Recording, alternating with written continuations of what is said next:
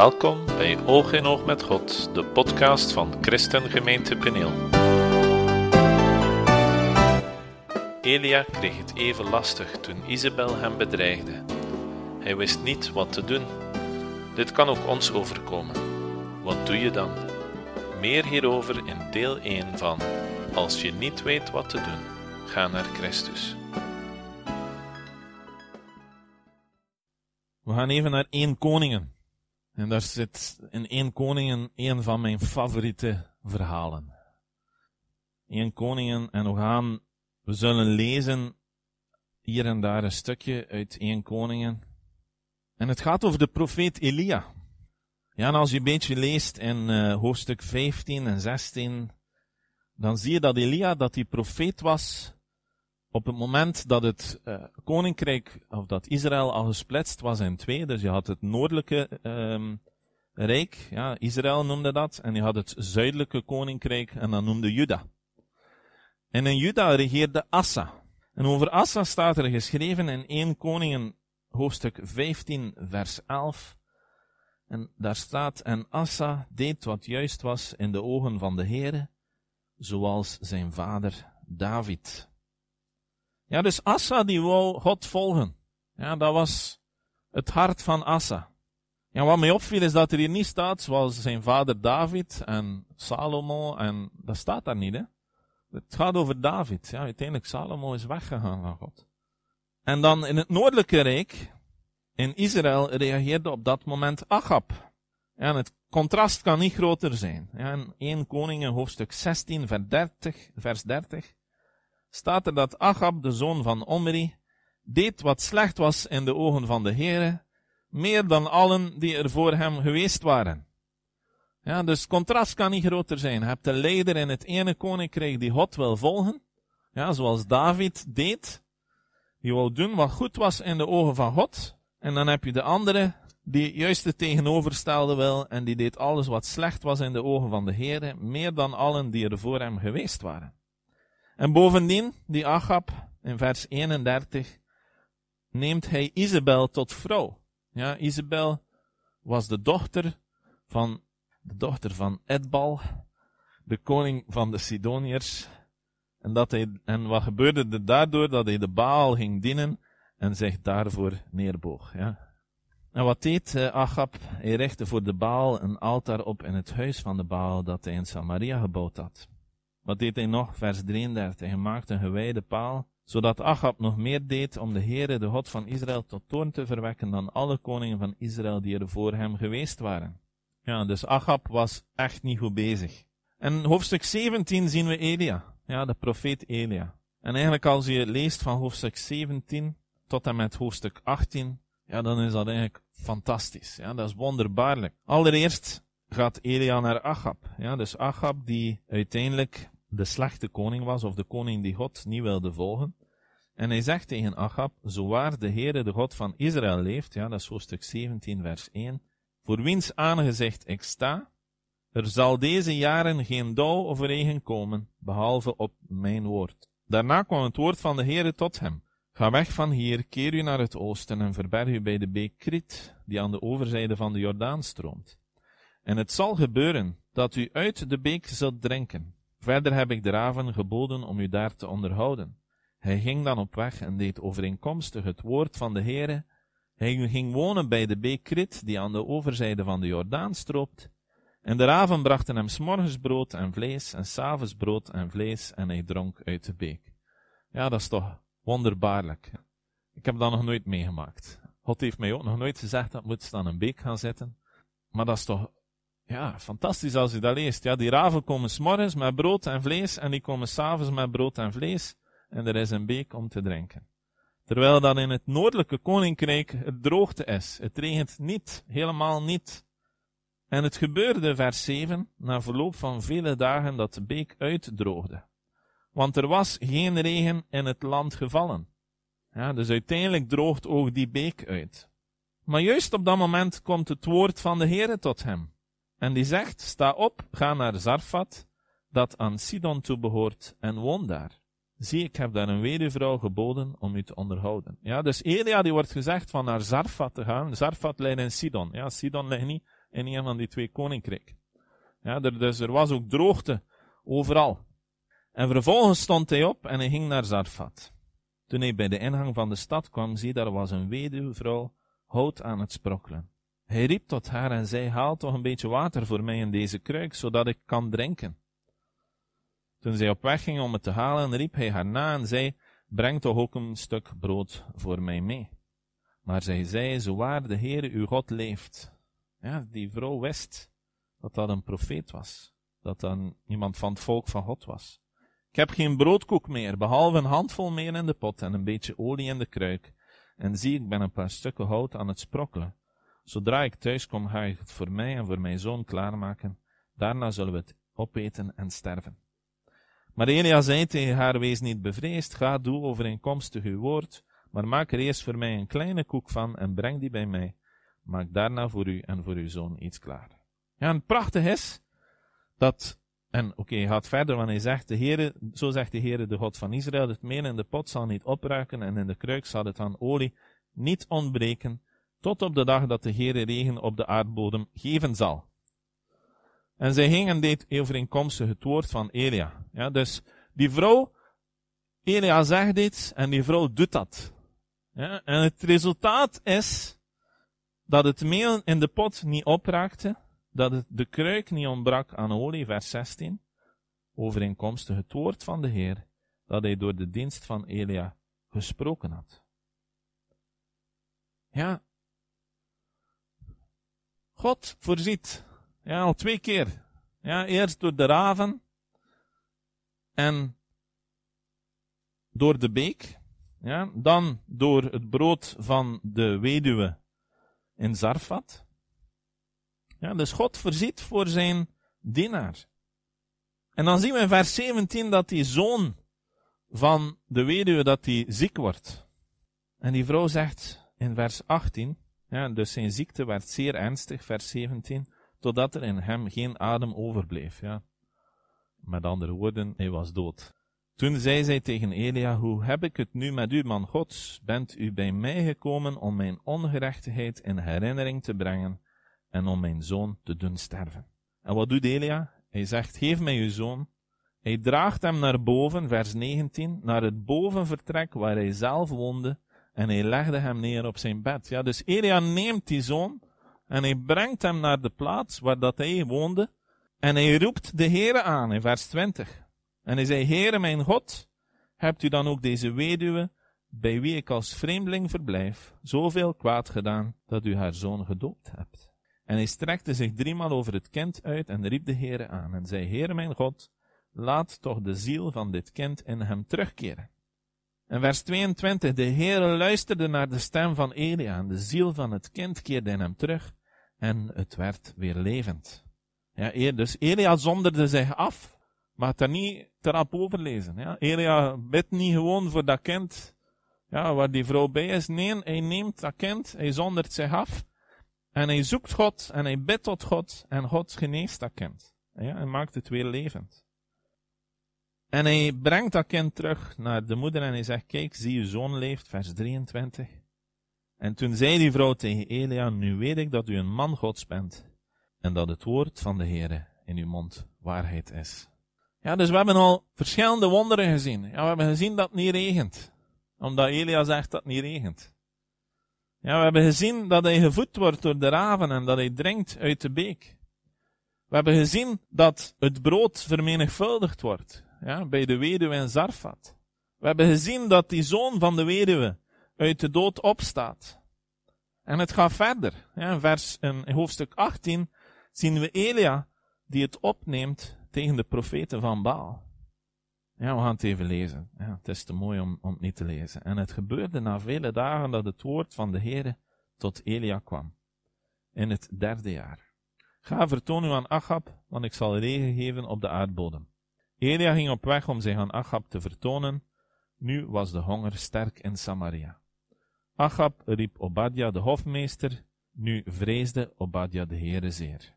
Het was namelijk gebeurd toen Isabel de profeten van de Heer uitroeide. Ja, dus je ziet wat voor kaliber dat die uh, echtgenote was van uh, Achab. Ja, ze had de profeten van de Heer uitgeroeid. dat Obadja honderd profeten nam en ze per vijftig man in een grot verborg en hen met brood en water onderhield. Dus er waren honderd profeten van de Heere die heeft kunnen redden. Ja, kun je je voorstellen hoeveel profeten er rondliepen, ja, als ze nog anderen gedood heeft. En Achab zei tegen Obadja, ga het land in, naar alle waterbronnen en alle beken. Misschien zullen wij gras vinden, zodat wij de paarden en de muildieren in leven zullen houden en wij geen van de dieren hoeven af te maken. Ja, en het gaat verder en uiteindelijk Achab gaat de ene kant uit, Obadja de andere kant en Obadja komt Elia tegen. En Elia zegt, ik wil uw meester zien. En Obadja spartelt wat tegen, omdat hij denkt, ja, als Elia verdwijnt, dan ben ik, ik uh, een kopje kleiner. Maar Elia zegt, nee, ik wil uw heer zien. Dus in vers 16 zien we dat Obadja Achab tegemoet gaat, vertelde wat er gebeurd was, en Achab ging Elia tegemoet. En het gebeurde toen Achab Elia zag, dat Achab tegen hem zei in vers 17, Bent u degene die Israël in het ongeluk stort? Ja, dat is echt wel typisch. Achab gaat naar de profeet van God, ja, de dienaar van God, die zegt wat dat God hem vertaalt, die doet wat dat God hem zegt. En wat zegt Achab, die alles doet wat dat slecht is in de ogen van de Heer? Is het jouw fout dat het niet regent? Is het jouw fout dat iedereen hier honger heeft, dat, dat wij in verderf gestort zijn? Moet ik zeggen, zelfreflectie was er niet bij op dat moment. Toen zei hij, vers 18, ik heb Israël niet in het ongeluk gestort, maar u en het huis van uw vader, doordat u de geboden van de Heere verliet en achter de Baals aangegaan bent. Nu dan stuur boden, breng heel Israël bijeen bij mij op de berg Karmel, met de 450 profeten van de Baal en de 400 profeten van Asherah, die aan de tafel van Isabel eten. Daarop stuurde Achab boden naar alle Israëlieten en bracht de profeten op de berg Karmel bijeen. Zie het voor u. Ja, de berg Karmel, dat is ergens dicht bij de zee. Ik heb dat wat opgezocht. En daar staat Elia alleen. En daar staan 850 profeten, 450 van de Baal en 400 van de Asheria. Ja, als u zegt één tegen allen, dat is hier zo. Hè. Met dat verschil dat die ene God met zich mee had en de andere prutsers waren. Die, hadden, die dachten dat ze God hadden, maar draait anders uit. Toen kwam Elia naar voren, bij heel het volk, vers 21. Ja, het volk was daar ook. Ja, dan moet er nogal een, een evenement geweest zijn. Ja, de berg Karmel is zo'n plateauberg, dus er was plaats om te staan. Ja, dus al het volk is daar. En waarmee begint Elia? En hij zegt, hoe lang hink je nog op twee gedachten? Als de Heere God is, volg hem. Maar als het de Baal is, volg hem. Ja, dus Elia daagt het volk uit en zegt, je moet kiezen. Ja, God zegt ook tegen ons, je moet kiezen. Ja, low is niet goed. Zorg dat je koud bent of warm, een van de twee. Maar low, dat spuug ik uit. En Elia zegt hier juist hetzelfde. Hij zegt, als de Heere God is, volg hem. En als het de Baal is, volg hem. En wat doet het volk? Het volk antwoordde niet één woord. Toen zei Elia tegen het volk, alleen ik ben overgebleven als profeet van de Heere, maar de profeten van de Baal zijn met 450 man. Laat men ons dan twee jonge stieren geven. Laten zij voor zich de ene stier kiezen die in stukken verdelen en op het hout leggen, maar ze mogen er geen vuur bij leggen. Dan zal ik de andere stier klaarmaken en op het hout leggen, maar er geen vuur bij leggen. Roept u daarna de naam van uw God aan, dan zal ik de naam van de Heere aanroepen. En de God die door vuur antwoordt, die is God. En het hele volk antwoordde en zei, dat is goed. Ze moesten overtuigd worden door een teken.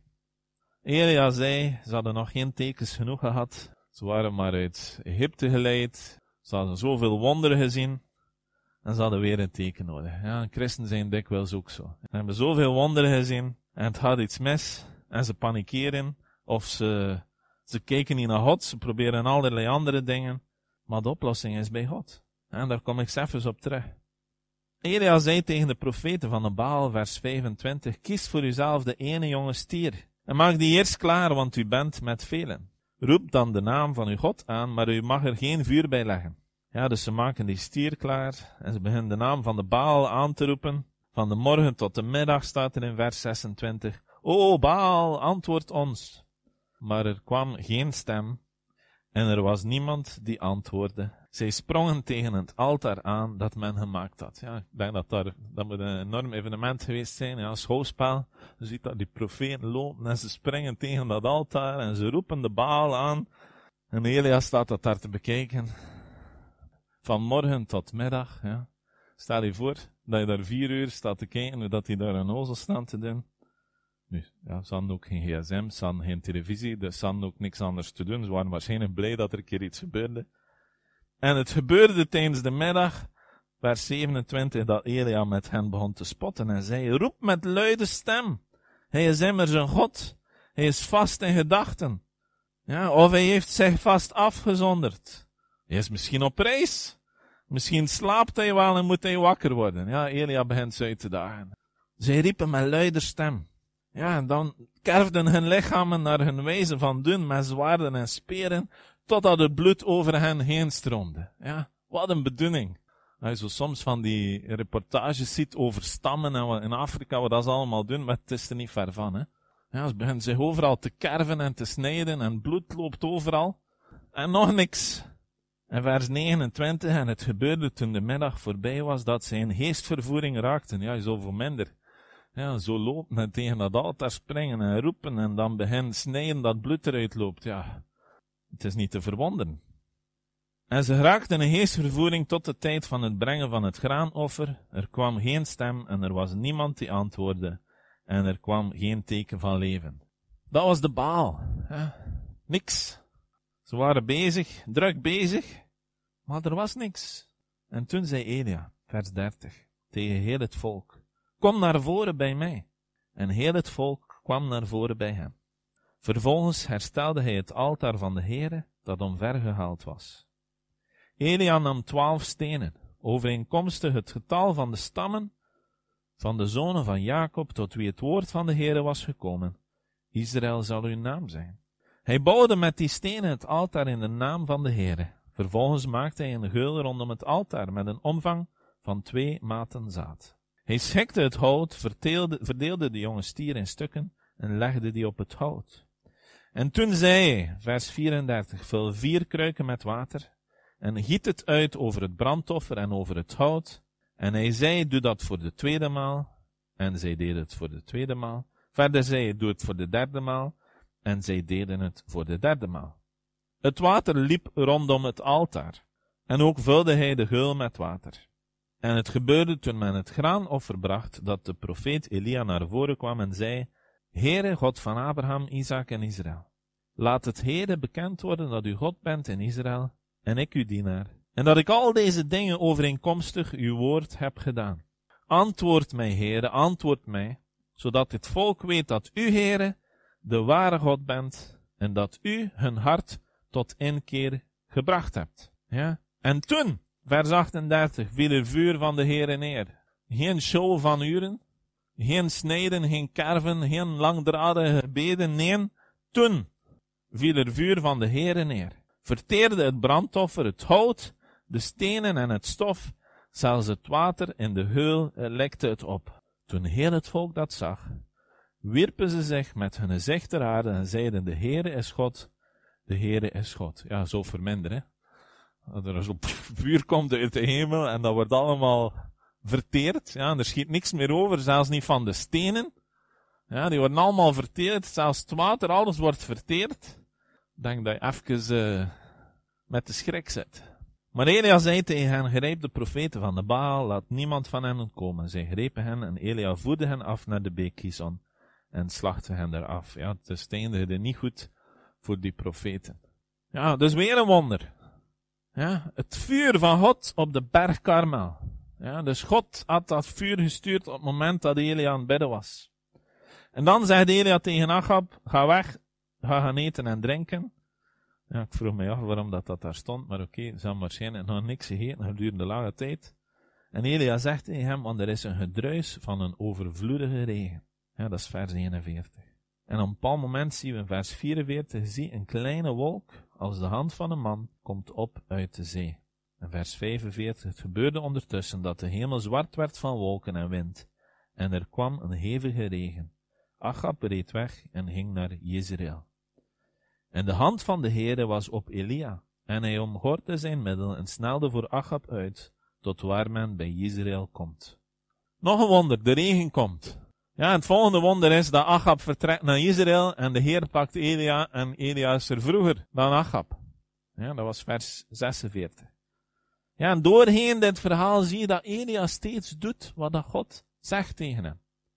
Ja, dan komen we in hoofdstuk 19. Ja, en als je, als je kijkt doorheen hoofdstuk 17 en 18, ja, dan zie je dat Elia, omdat hij steeds doet wat God tot hem zegt, ja, dat dat hem een zekere, moet ik zeggen, een zekere kracht heeft, ja, een, zek, een zekerheid heeft. Hij spreekt met vertrouwen, ja, hij weet wat dat er gaat gebeuren, want God is met hem. En voor ons is dat hetzelfde, als wij met God wandelen, ja, dan hebben wij een zekerheid. Ja, we hebben een rots waarop dat wij kunnen bouwen. Ja, dat geeft ons een gevoel van veiligheid, dat geeft ons een gevoel van zekerheid, want God is met ons. Ja, de almachtige God. Ja, de eeuwige God, die is met ons. Dus wij hoeven niet bang te zijn, wij hoeven geen schrik te hebben. Ja, de dingen die we doen, de beslissingen die we nemen, ja, die nemen we omdat ons hart en ons verstand op God gericht is. Ja, wij gaan niet zomaar op eigen houtje beslissen. We gaan niet onze eigen wil doen. Nee, we willen zijn wil doen. Ja, dat is hetgeen dat Elia continu doet. Ja, hij bidt tot God. Ja, wij hoeven dingen niet te forceren in onze eigen kracht. Ja, wij hoeven geen omstandigheden te gaan beïnvloeden. Nee, wij hebben een God die dat doet voor ons. Ja, God weet alles over ons. God weet alles over onze omstandigheden, weet alles over de uitdagingen in ons leven. En wij hoeven gewoon naar hem toe te gaan. Ja, God werkt. Vers, uh, Psalm 10, vers 17. Wat staat daar? U hebt de wens, Psalm 10, vers 17. U hebt de wens van de zachtmoedigen gehoord, heren. U zult hun hart versterken. Uw oor zal er acht op slaan. Om de wees en de verdrukte recht te doen, dan zal een aardse sterveling voortaan geen geweld meer bedrijven. Ja, vers 11, vers 1. Ik heb tot de Heere de toevlucht genomen. Ja, continu zien we in de psalmen van David dat David naar God toe gaat. Ja, dat David uitreikt naar God op het moment dat hij in de problemen zit. Ja, en David had serieuze uitdagingen. Ja, Saul wilde hem doden. Maar in, in vers 17 staat er dat God luistert. Ja, dat is hetgeen dat David zegt. Ja, hij zegt, de wens van de zachtmoedigen hebt u gehoord. En u zult hun hart versterken, uw oor zal er acht op slaan. Ja, God luistert. Ja, God is geen God die veraf is. Nee, God is bij ons, hij is voor ons, hij is achter ons. En als christen is hij in ons.